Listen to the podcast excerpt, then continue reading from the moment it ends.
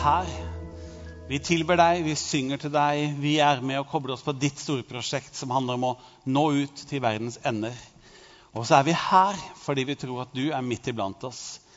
Ikke synlig, men like sterkt, like reelt og like livsforvandlende.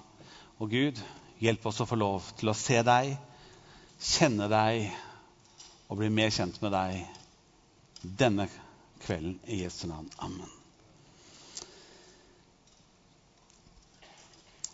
Jeg har lyst til å dele noe med dere denne kvelden. Jeg, eh, det er veldig veldig sjelden at jeg hele tatt er nervøs eller litt sånn før, før, jeg skal tale. Folk er ikke så nervøse. Folk er bare folk. Dere er liksom bare folk.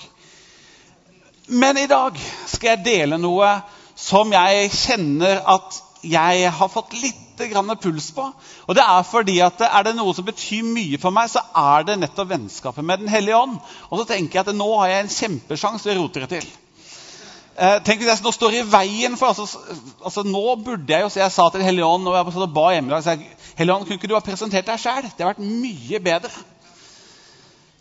Men eh, her står jeg, eh, og jeg har et hjerte som brenner. For jeg har erfart Jeg vokste opp med en tro på Jesus.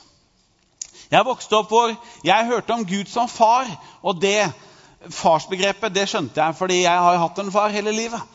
Eh, så far skjønte jeg. Og Jesus, de fortellingene har jeg vokst opp med.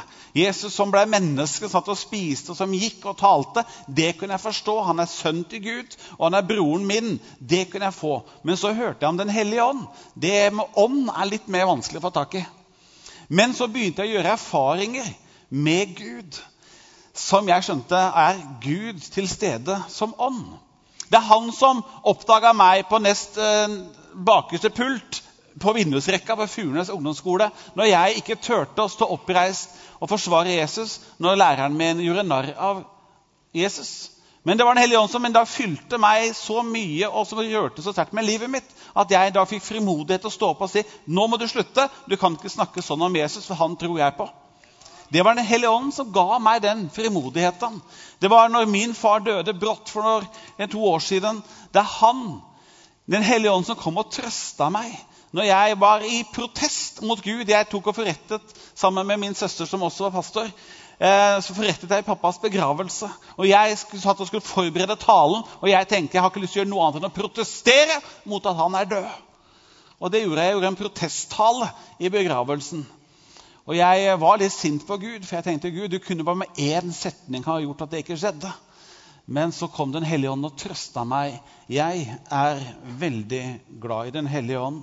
Og jeg har så lyst til at du skal få lov til å bli kjent med Han. Vi vil over tre søndager denne høsten spesielt presentere Den hellige ånd. Ikke hør det som ikke vi ønsker å gjøre det de andre søndagene, men på en spesiell måte har vi satt det som et tema. Den hellige ånds gjerninger. Og i dag skal vi snakke om hvem er Den hellige ånd. Paulus han sa til menigheten i Rom i kapittel 10 i Rombrevet vers 6-8.: Tenk ikke med deg selv, sier han at hvem skal fare opp til himmelen? Eh, altså det vil si for å hente Kristus ned. Eller hvem skal stige ned i avgrunnen? Det vil altså si for å hente Kristus opp ifra de døde. Men hva sier den? sier Paulus videre. Ordet er deg nær, i din munn og i ditt hjerte. Dette er troens ord, det som vi forkynner. Hva betyr altså Noen ganger så syns jeg de skriver utrolig sånn altså, De gjør den en gang liksom vanskelig. altså Ordet er deg nær i din munn og i ditt hjerte. Altså, hva betyr det i praksis? En av disiplene til Jesus han starter hele evangeliet sitt. altså Johannes han begynner sitt evangelium Johannes evangelium med å si det sånn at i begynnelsen var Ordet. Ordet var hos Gud, og ordet var Gud. Og Når du leser videre, så skjønner du at ordet det er det var et annet navn for Jesus. Jesus er deg nær i din munn og i ditt hjerte. Jeg tenkte, når jeg leste det for noen år siden, at hvordan skal jeg få lov til å forstå dette? For Jesus han dro ut i himmelen etter at han døde, og satte seg ved Guds høyre hånd i himmelen. Og Der står det i Bibelen at han skal sitte helt til han en dag skal reise seg for å hente oss hjem. Ok, Men så har jeg akkurat hørt nå at du kan ikke dra til himmelen. altså Dit kommer jeg meg ikke på egen hånd. Altså liksom kan hente han ned. Og i dødsriket er han ikke, for han har stått opp igjen. hvordan gjør jeg dette? Og så sa Jesus ved anledningen sjøl Se, jeg med dere alle dager. Ja, men det er han da vitterlig ikke. For han dro jo til himmelen. Så jeg har sittet og diskutert litt med Gud. Hvorfor gjør du det så utrolig komplisert? Og så sier egentlig Gud til meg igjen at det, det er jo ikke så komplisert. Jeg er midt iblant dere. Jeg har forklart meg som far. Jeg har vist meg som menneske som en bror, som Guds sønn. Og dere har fått lov til å se hvem Gud er, når jeg var et menneske. Men jeg ville ikke lenger være begrenset på sted og adresse. Derfor så har jeg kommet, og jeg er i dag midt iblant dere som ånd. For Den hellige ånd er Gud midt iblant oss. Under den andre verdenskrig ble viktige beskjeder sendt, gjerne i koder såkalte krypterte meldinger. Tyskerne de eh, utvikla en kodemaskin som ble kalt for Enigma. Heldigvis så klarte de allierte å knekke denne koden, så de klarte å kunne tyde hva disse meldingene var. Og det at de klarte det, var en kjempeviktig hjelp som gjorde at de faktisk var med og vant krigen. Julius Cæsar han eh, skal også etter sigende ha sendt hemmelige beskjeder til sine generaler som er ute i krigen. Hans kode var ikke særlig avansert, men fungerte visstnok godt. På skjermen bak meg så har jeg skrevet en norsktilpasset hemmelig melding med Julius Cæsars kode. Dere får ikke lov til å bruke resten av møtet på å finne ut hva det står. Men kodenøkkelen Du kan ta bilde av den, du kan tyde den etterpå. Kodenøkkelen er ganske enkelt. Den bruker det vanlige alfabetet.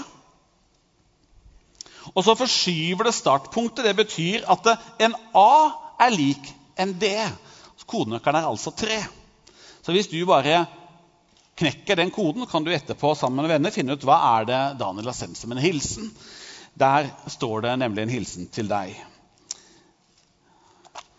Vi har, som jeg sa, nok lettere for å gripe bildet av Gud som far og Gud som sønn og bror, men Gud som ånd.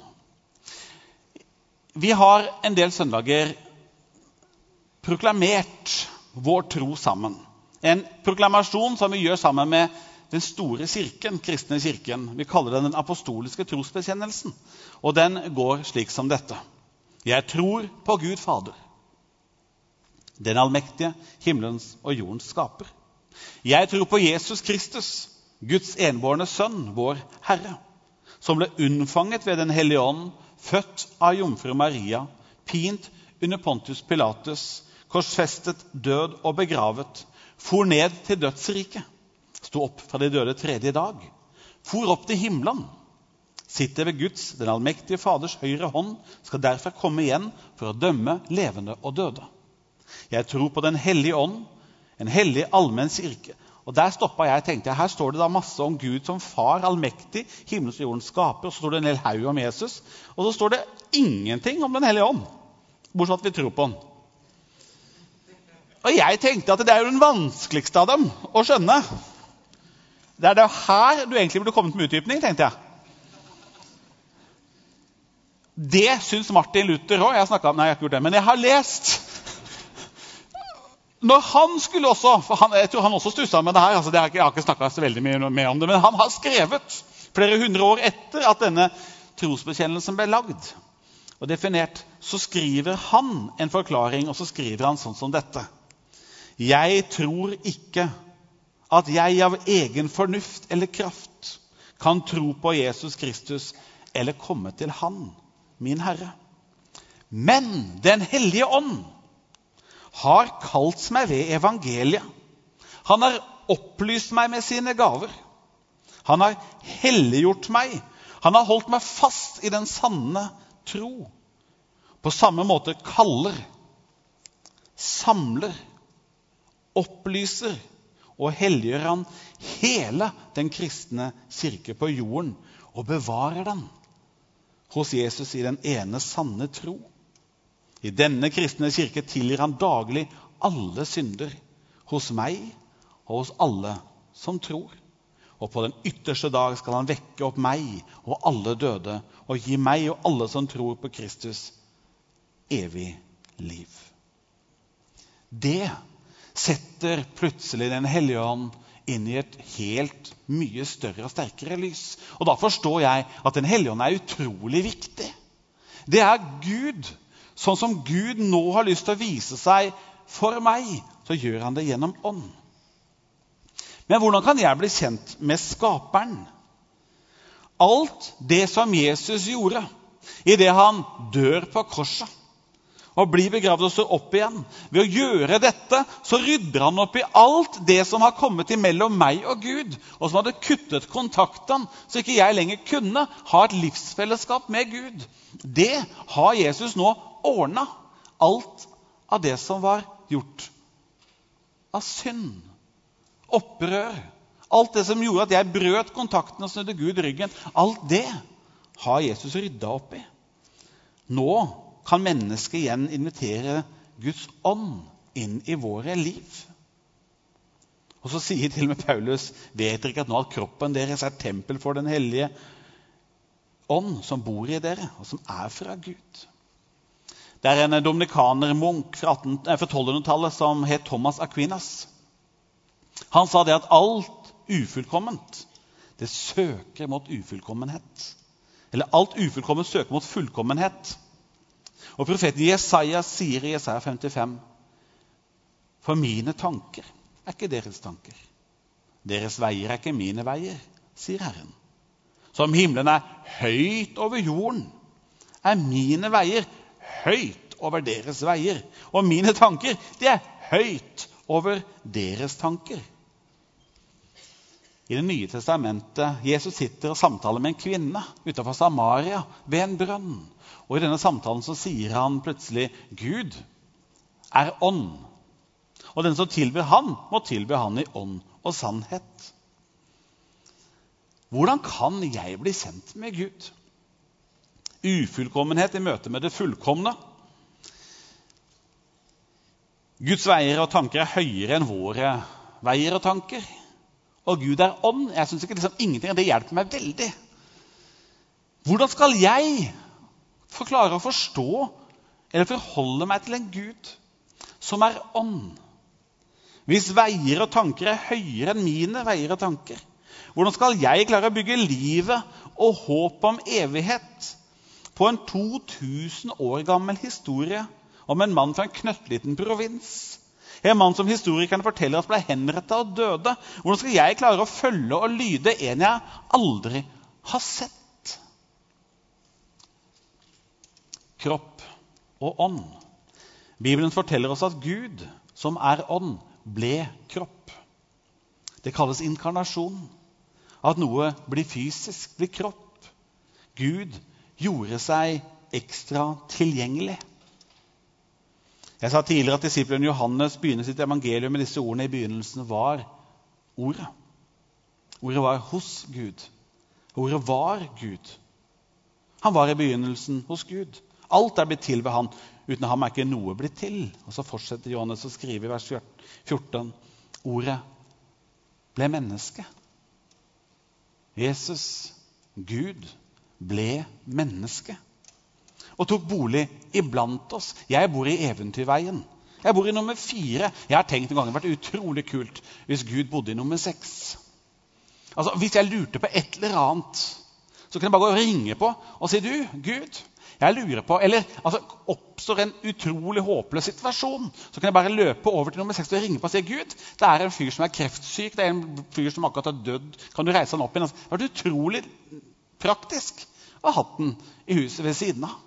Og så er det utrolig kult at det er faktisk det Gud gjør. Han flytter ned og blir naboen til noen mennesker som selvfølgelig på den tid ikke helt skjønte at han var det. De satt der tolv stykker, unge menn i Galilea. Det er et fjellendt terreng, men med store grøntområder. Galilea har sjø, og det har elv. Nå sitter de der, disse tolv, og blikket og oppmerksomheten er vendt mot nummer 13. Han eh, er fra Nasaret. Det visste de. Men det skulle ta ganske lang tid før de skjønte at det var Gud selv, i kjøtt og blod, som sitter der og samtaler med, dem rundt bordet. Det er Gud som sier, 'Kan du sende meg fisken?' Det er Gud som sier, 'Send meg vannet og det brødet der'. Det er Gud som satt der. For han har gjort seg så tilgjengelig. Ca. tre år senere er det igjen disse samme disiplene, og igjen er oppmerksomheten vendt mot nummer 13. De kjente han som Jesus. Og som ofte før så, så de blikket hans når det var noe viktig han hadde lyst til å si. Og Vi kan lese om det i Johannes 16, 12-15. Jeg fortalte dere ikke dette fra begynnelsen av, for da var jeg jo her hos dere. Nå går jeg til Han som har sendt meg. Men ingen spør hvor går du, for sorg har fylt hjertene deres fordi jeg har sagt dere dette. Men jeg sier dere sannheten. Det er best for dere at jeg går bort. For dersom jeg ikke går bort, så kommer ikke talsmannen til dere. Men går jeg bort, kan jeg sende han til dere. Og når han kommer, da skal han gå i rette med verden. Han skal vise den hva synd er, og hva rettferdighet er, og hva dom er. Så fortsetter han. Ennå har jeg mye å si dere, men dere kan ikke bære det nå. Men når sannhetens ånd kommer, da skal han veilede dere til hele sannheten. For han skal ikke tale ut fra seg selv, men han skal si det han hører, og gjøre kjent for dere det som skal komme. Han skal herliggjøre meg. For han skal ta det som er mitt, og forkynne det for dere. Alt det som min far har, det er mitt. Derfor sa jeg at han skal ta mitt og forkynne det for dere. Det som Faderen hadde, det fikk Sønnen. Og det Sønnen hadde fått av Faderen, ga han til Ånden. Her danser treenigheten sammen. Målet er at vi skal få lov til å bli kjent med Gud og få lov til å motta det han har for våre liv. Etter at Jesus hadde dødd på korset og blitt begravet, sto han opp igjen fra de døde. Og det var for å vise og manifestere at han hadde vunnet over døden. Og Så oppsøker han de resterende elleve, for Judas hadde nå for, forrådt Jesus. Han hadde angret, og han var alt ble så svart for Judas at han gikk og tok livet sitt. Men de elleve andre sitter der. Jesus har sonet en hel verdens synd og feiltrinn. Nå er det ikke lenger noe hinder for at skaperen av det skapte igjen kan dele alt. Og hva er det Jesus da gjør? Johannes 20, vers 20. Disiplene de ble glade da de så Herren. Igjen sa Jesus til dem, 'Fred være med dere.' Det var på sin plass, for de ble livredde hver gang han kom. Det hadde jeg også blitt hvis en fyr jeg begravde forrige uke, plutselig dukka opp igjen. Da blir du litt satt ut. Men de opplevde at Jesus kom igjen og igjen. Som far har sendt meg, sier han, sender jeg dere.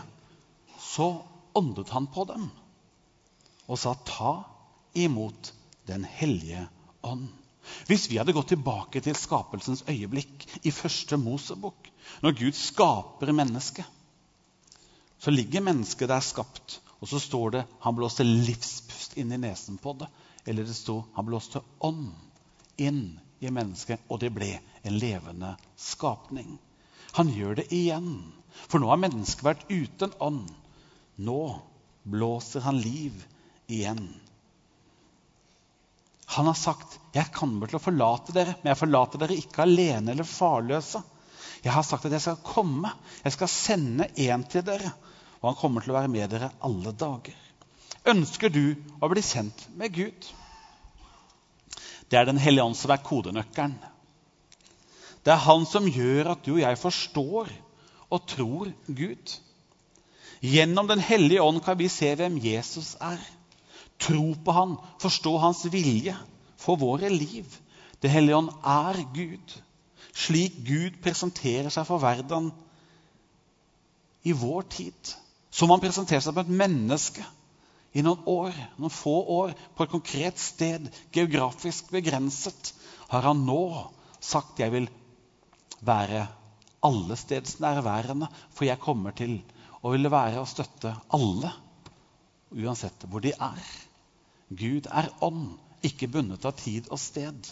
Det er fint at ikke Jesus bor i Eventyrveien 6, for det hadde vært innmari dumt for den som bor resten av verden.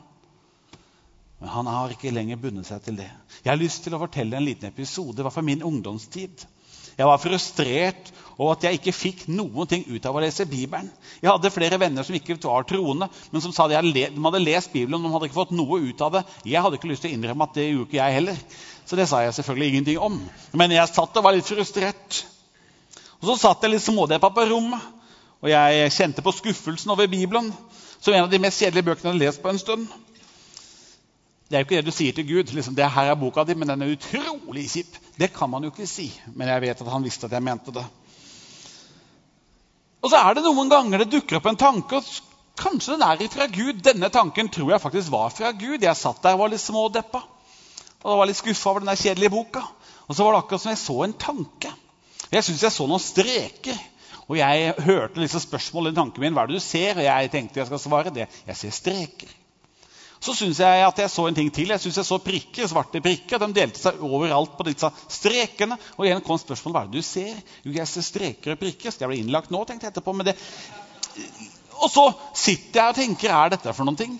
Og så er det akkurat som jeg ser en, at det legges noen ekstra streker på disse prikkene, og så plutselig skjønner jeg hva det er. Det er noter. Men det hjelper jo ingenting, for Daniel Eli kan ikke noter. Og jeg kan fortsatt ikke noter. Du kunne, du kunne tatt et mesterverk opp på tavla her, og jeg hadde ikke skjønt noen ting annet enn at det er streker og prikker. Jeg er fortsatt der. Men de som kan noter, de kan se musikk. Og så kommer Gud og minner meg på noe. At hvis du skal få skjønne og oppdage musikken i denne boka, så er det én som kan lære deg det, og det er Den hellige ånd. For han er kodenøkkelen. Det er han som kommer til å vise deg, så du forstår, at denne boka er ikke bare streker og prikker. Det er en personlig hilsen fra Gud inn i ditt liv. Og den har makt til å forandre livet ditt og bringe håp når alt er svart, trøst når alt er trist, og fred når alt er uro. I denne boka ligger det ord som kommer til å gi deg tro og sikkerhet for tid og evighet.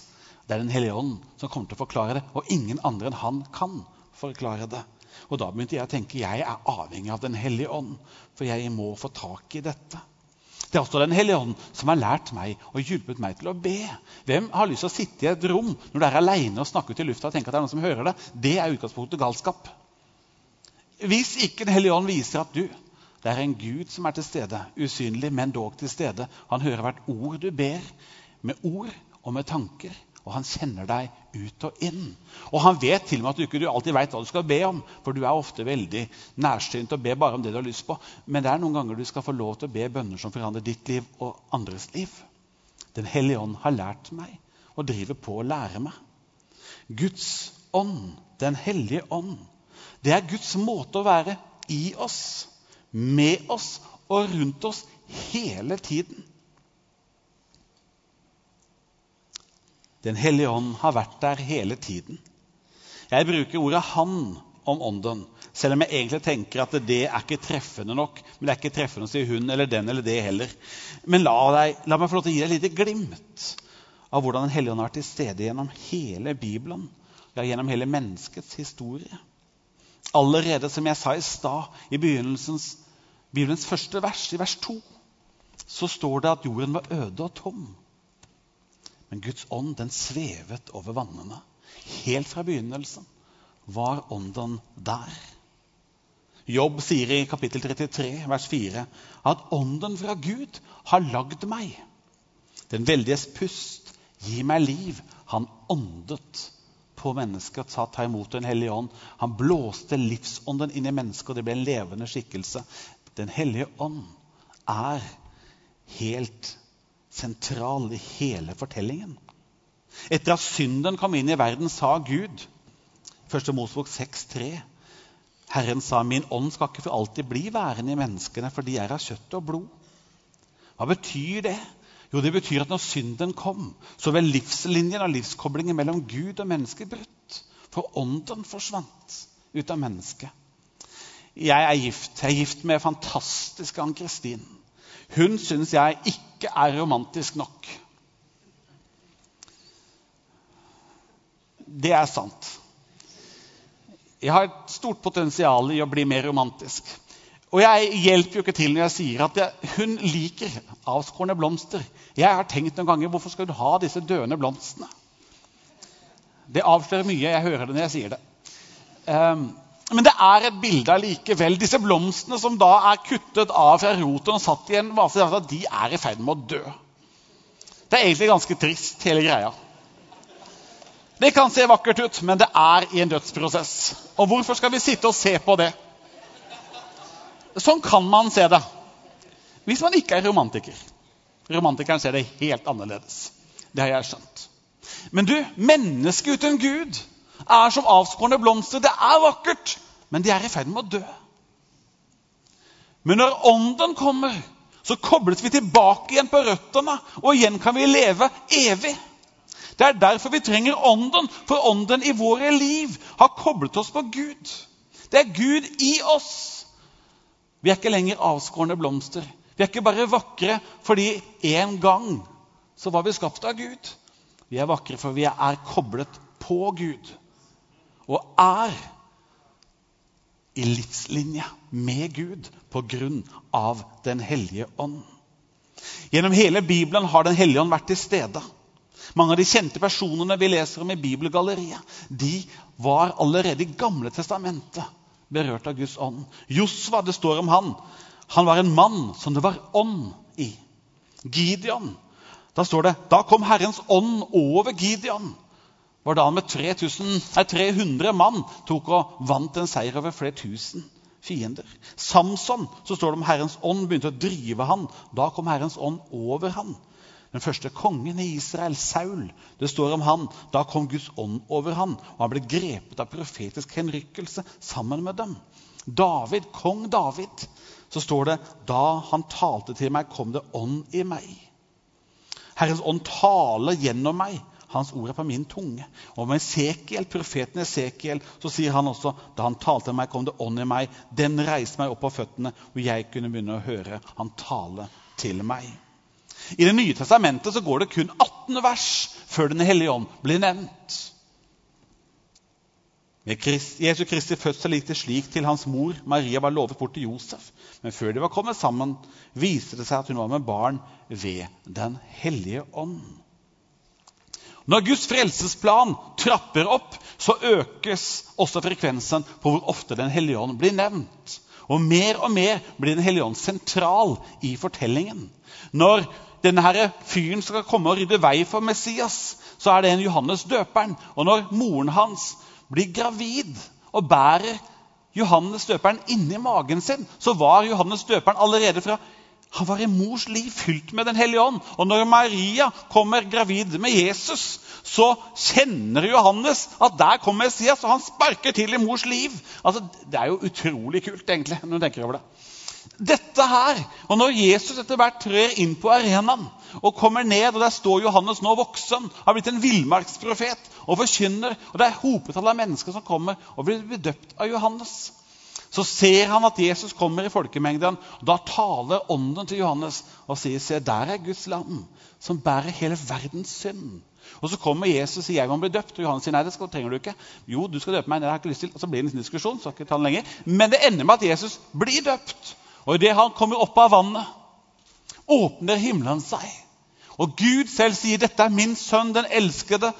I Han har jeg min glede. Og så kommer den hellige ånd i form av en due og blir over Jesus. Når Jesus, når Gud ble kjøtt og blod, ble et menneske, så la han av seg, sier Filippe-brevet, det å være Gud. Han ble et menneske. Og Ved det så gjorde han seg også avhengig. Så Derfor står det at når Den hellige ånd kom og ble over Jesus, så står det senere at Jesus ble drevet av Den hellige ånd, ledet av Den hellige ånd, og i Den hellige ånds kraft gikk Jesus ut. Og hvis Jesus trengte Den hellige ånd, da trenger i hvert fall jeg det, tenker jeg. Og når Jesus sier til disiplene nå skal dere vente på kraften For dere skal gå ut i hele verden og fortelle dem om at jeg er den som har koblet opp og åpnet veien til himmelen igjen. Og gitt dere muligheten til å leve evig. Så skal dere gå og fortelle til hele verden. Men det er det ingen som tør. Ja, Men vent på kraften, dere. Så skal kraften komme. Og Det er det som skjer på pinsedag. Og så sitter nervøse, desillusjonerte disipler der. Og så kommer Den hellige ånd, og han fyller dem. Og fra det øyeblikket av så gikk de ut på gaten og forkynte evangeliet. fortalte om Jesus til alle de kom over. Altså Det er et momentum, det er et taktskifte. Og alt dette kan du spore tilbake igjen til Den hellige ånd. Det er når Gud ikke lenger bare kommer i kropp, men han kommer i ånd. Og han fyller alle de som tror det er Gud i oss, med oss og rundt oss. og til og med gjennom oss en allestedsnærværende Gud. Jeg har veldig lyst til å fortelle masse, men eh, neste søndag skal Egil komme. Han skal snakke om hva gjør Den hellige ånd. Og jeg har så lyst til Altså, det er noen ganger vi mennesker forvalter dette med Den hellige ånd, og noen ganger så blir vi ivrige, noen ganger så tråkker vi over. og Derfor blir det en del mennesker som får litt sånn krevende erfaringer, kanskje veldig skeptiske på hvordan dette med Den Hellige ånd faktisk er. Den hellige ånd er gentleman. Det er han som aldri presser seg. Han gjør aldri et overgrep. Han tar aldri og tråkker over. Han presser deg ikke til noe. Men du, han er den som vinner hjertet mitt. Han er den som gir meg varme og fred og styrke og trøst. Når Peter er nede, så er Den hellige ånd som kommer og løfter han opp. Når Paulus og barna sitter i fengselet, og de er piska og de har det vondt, så er det Den hellige ånd som kommer og gir dem kraft, og de synger lovsanger, og hele fengselet blir fylt med Guds nærvær. Jeg har lyst til å fortelle en historie til slutt. Jeg var ungdomspastor i Tabernakelet i Bergen i min ungdomstid. Og eh, Det var en kald høstdag. Det regna. Det var bikkjekaldt. Og det blåste. Jeg har talt. Ungdomsmøtet var over. Jeg låser døra, og jeg skal gå over gata, over marken, over til der bilen min står. Og jeg tar jakka, allværsjakke, for det bruker man i Bergen. Og jeg syntes det var bikkjekaldt. Og så ble jeg stoppa, og jeg kjente jeg var ikke så veldig klar for det. Og han som står foran meg, han har ingen allværsjakke. Han gikk bare i en bomullsgenser. Og han var søkkvåt. Han var sliten. Han var herja. Han var en rusmisbruker. Jeg så det med en gang. Og han står og snakker med meg, og det lukter stramt. Og jeg står der, og så sier han du. Og På den tiden så bodde jeg på Tertnes, det er mellom Bergen sentrum og Åsane. Og Der bodde jeg, og så sier han du, kan du være så snill kjøre meg til Åsane til en kompis, for der kan jeg få overnatte, for jeg har ikke noe sted å bo, og jeg fryser, og jeg er så sulten. Og jeg tenkte filler'n, åssen går det med bilsettet mitt nå? tenkte jeg. For han var så våt, og han var så møkkete.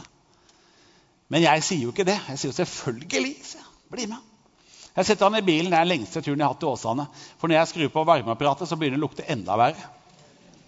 Og jeg tenker å, håper at dette her går fort. Jeg håper at jeg snart kan sette han av. Vi kommer bort til et sånt leilighetskompleks i Åsane, og han går ut av bilen. Og med han går ut, så sier han du, kan du vente litt. Jeg skal bare se en kompis min er hjemme. Og jeg bare, å, tenkte jeg. Nei, kanskje kan jeg hjemme. Og det var han jo da vitterlig heller ikke. Så han fyren kommer tilbake etter to minutter og setter seg inn i bilen igjen. Og så sier han du, han var ikke hjemme. Og Jeg tenker at jeg er jo en god kristen, da, så jeg eh, kan jo kjøre han tilbake til Bergen sentrum. Da følte jeg Nå strakk jeg virkelig min nestekjærlighet eh, veldig. Så jeg tenker jeg kan, jeg kan, gjøre det. da. Og Så setter vi oss og begynner vi å kjøre, og så begynner han å gråte. Og så sier han jeg er så sulten, og jeg er så kald, og jeg er så sliten. Jeg er så våt. Kan jeg overnatte hos deg til i morgen? Jeg bodde på et tidspunkt hos et eldre ektepar. Nydelig ektepar, ekteparet Berg. De eh, hadde en enebolig. Jeg bodde i første etasjen. Jeg hadde soverom på den siden. Vi går inn i huset, så er det en stor gang. Det er åpen trapp opp til deres avdelinger. Da, hele resten av huset. Jeg hadde soverom på ene siden og en sånn liten kjellerstue på andre siden. Så hele huset er jo åpent. Og jeg, jeg, visste at de var borte den helgen, så jeg tar han med hjem. Fordi jeg hørte inni hodet mitt Jeg var eh, sulten. Du ga meg ikke mat. Jeg var naken. Du ga meg ikke klær. Så jeg tenkte jo, det skal jeg i hvert fall gjøre. Så jeg tar den med hjem. Jeg tar han med inn. Og så tenkte jeg vet du, han kan jo ikke sitte i sofaen min. Han lukter jo masse. Og, som, og, denne mannen her, han var en sliten utgave av et menneske. Han uh, gikk på rød. Da er du ødelagt. Da lukter det alt. Det, det er ikke bra. Så jeg sier du, altså, du bør ta en dusj. Det høres jo veldig nestekjærlig ut, men jeg tenkte på sofaen. Så jeg, får jeg alle klærne hans, og jeg tenker disse klærne her Jeg putta dem i vaskemaskinen. For meg sa jeg tok dem i oppvaskmaskinen, men det gjorde jeg ikke. Jeg tok dem i vaskemaskinen, jeg dynka en overdose med tøymykner oppi og satte den på 90 grader. Jeg uansett om det krymper, disse klærne her, det her vaske skal det, tenkte jeg. Og han, eh, men jeg skjønner jo at nå har jo ikke han klær kommer snart ut av dusjen, så jeg går i skapet mitt og tenker hva er det jeg har. Jeg finner klær. Og jeg, gir han de klærne. Etterpå så går vi inn i, på kjellerstua. Jeg gir han mat. Han har levd så mye på, på bare drikke rødsprit og andre ting, så han klarte det tok en evighet å spise en halv skive. for han er ikke vant til å spise. Og så Selv om han nå har dusja, så lukter det jo hele porene hans. det lukter jo. Og Jeg eh, reier, reier opp senga der inne på, på kjellerstua. Og så, eh, etter en stund, så legger, får jeg han til å legge seg og sier da ses vi i morgen tidlig til frokost. Og Så går jeg og legger meg, og så ligger jeg i senga mi. Nå er det en hel gang imellom, og jeg tenker oi, filler'n, stereoanlegget mitt. Og jeg har noen penger i skuffen der inne. Og Tenk om man går opp og tømmer hele huset til ekteparet Berg. Hva sier jeg når de kommer hjem? Så jeg ligger jo og vrir meg hele natta. Jeg har hengt opp klærne hans, og de er jo søkkvåte, de også. Og jeg står opp grytidlig dagen etter. Og jeg ser at de klærne er jo ikke i nærheten av tørr, så jeg tar hårføner. For det hadde jeg funnet inne på kjellerstue eller på, på vaskerommet til, til fru Berg. Så jeg står og prøver å med, hånd, med føneren og tørke de klærne. Det funker jo ikke. Så jeg lander med å gi opp det, putter klærne i en pose og sier han skal få de klærne han har fått av meg. Det syns jeg også var veldig kristelig, egentlig. Og så går jeg inn til han, og jeg er jo sjeleglad for at han ligger der inne. Jeg går og kikker over, Jeg ser ingenting som er tatt. Jeg rusher til og med opp i leiligheten oppe før jeg går inn for å se om det er helt tomt der oppe. Men det var det heller ikke. Så jeg er veldig glad for at det har gått fint. Etter hvert så kjører jeg inn til Bergen. Jeg eh, parkerer bilen i marken. Og jeg setter fra meg bilen, går ut og, og sier her har du klærne. De er ikke helt tørre ennå, så de må tørke. Han hadde ikke noe sted å tørke dem, men jeg, fikk det. jeg ga den posen. Og de klærne du har på, da, han sier, 'Hva med klærne?' 'De skal du få av meg.' Jeg følte meg igjen veldig sånn moder Teresa og alt det på en gang. Så jeg synes nå. Og så går jeg inn mot tabernaklet. Og det er aldri gått en mer hellig mann inn i tabernaklet enn meg. Helt til jeg tar i håndtaket til kontoret. Da er det én setning, og det var Den hellige ånd. Han sa én setning, tre ord. Og all min hellighet raste på ett øyeblikk. Han sa, 'Hva het mannen? Det ante jeg ikke. For det hadde jeg glemt å spørre om. Og så skjønner jo jeg at For jeg gikk jo da etter han hadde gått, så gikk jeg tenkte jeg var sulten, du ga meg mat. Jeg var naken, du ga meg klær. Jeg gjorde liksom alt det riktige. da. Men jeg hadde ikke gjort det med hjertet. Og det skjønte jeg. Og så snudde jeg løp, men da var han gått. Når jeg går tilbake igjen, så går jeg ikke inn på kontoret. Da går jeg inn i bønnehuset bønnerommet i tabernakelet. Og der sitter jeg og så sier jeg, Gud, jeg er en tragisk skikkelse av en kristen. Jeg har gjort alt det rette, men alt er feil. For hjertet mitt var ikke inntil dette i det hele tatt. Jeg var redd for bilen min og setene, sofaen og pengene. Et dritdårlig stereoanlegg. Alt dette var jeg redd for. Men han Og jeg ga han ikke de fineste klær, jeg ga de dårligste jeg hadde. Hvis jeg skal være ærlig. Så sier jeg, Hellige Ånd, her har hun en jobb å gjøre. For jeg har lyst til å ligne på Jesus, men jeg har mislyktes i dag. Og jeg er der ennå, venner. Gud er i mitt liv. Han driver og jobber. Han har mye å ta tak i. Og overraskende ofte så får han motbør. Men jeg har lyst til å si allikevel at jeg hviler at Gud er i mitt liv. Den hellige ånd er i mitt liv. Noen ganger veileder han meg. Noen ganger korrigerer han meg. Mange ganger så trøster han meg. Hver dag så styrker han meg. I forunderlige situasjoner av kaos har han gitt meg en fred som overgår all forstand. Gud er i mitt liv, og han er her for oss alle. I slutten av denne gudstjenesten når vi går inn i lovsang til bedelse nå, så har jeg lyst til å invitere deg. Men jeg vil at du skal vite en ting, at Den hellige ånd er ikke bundet av sted. Han er like sterkt bakerst på sidene som forrest. Den hellige ånd kjenner oss alle. Han kommer ikke til å presse en av oss inn i en form. Men han har lyst til én ting, og det er å forklare hvem han er. Hvem Gud er, og hva Gud tenker om våre liv.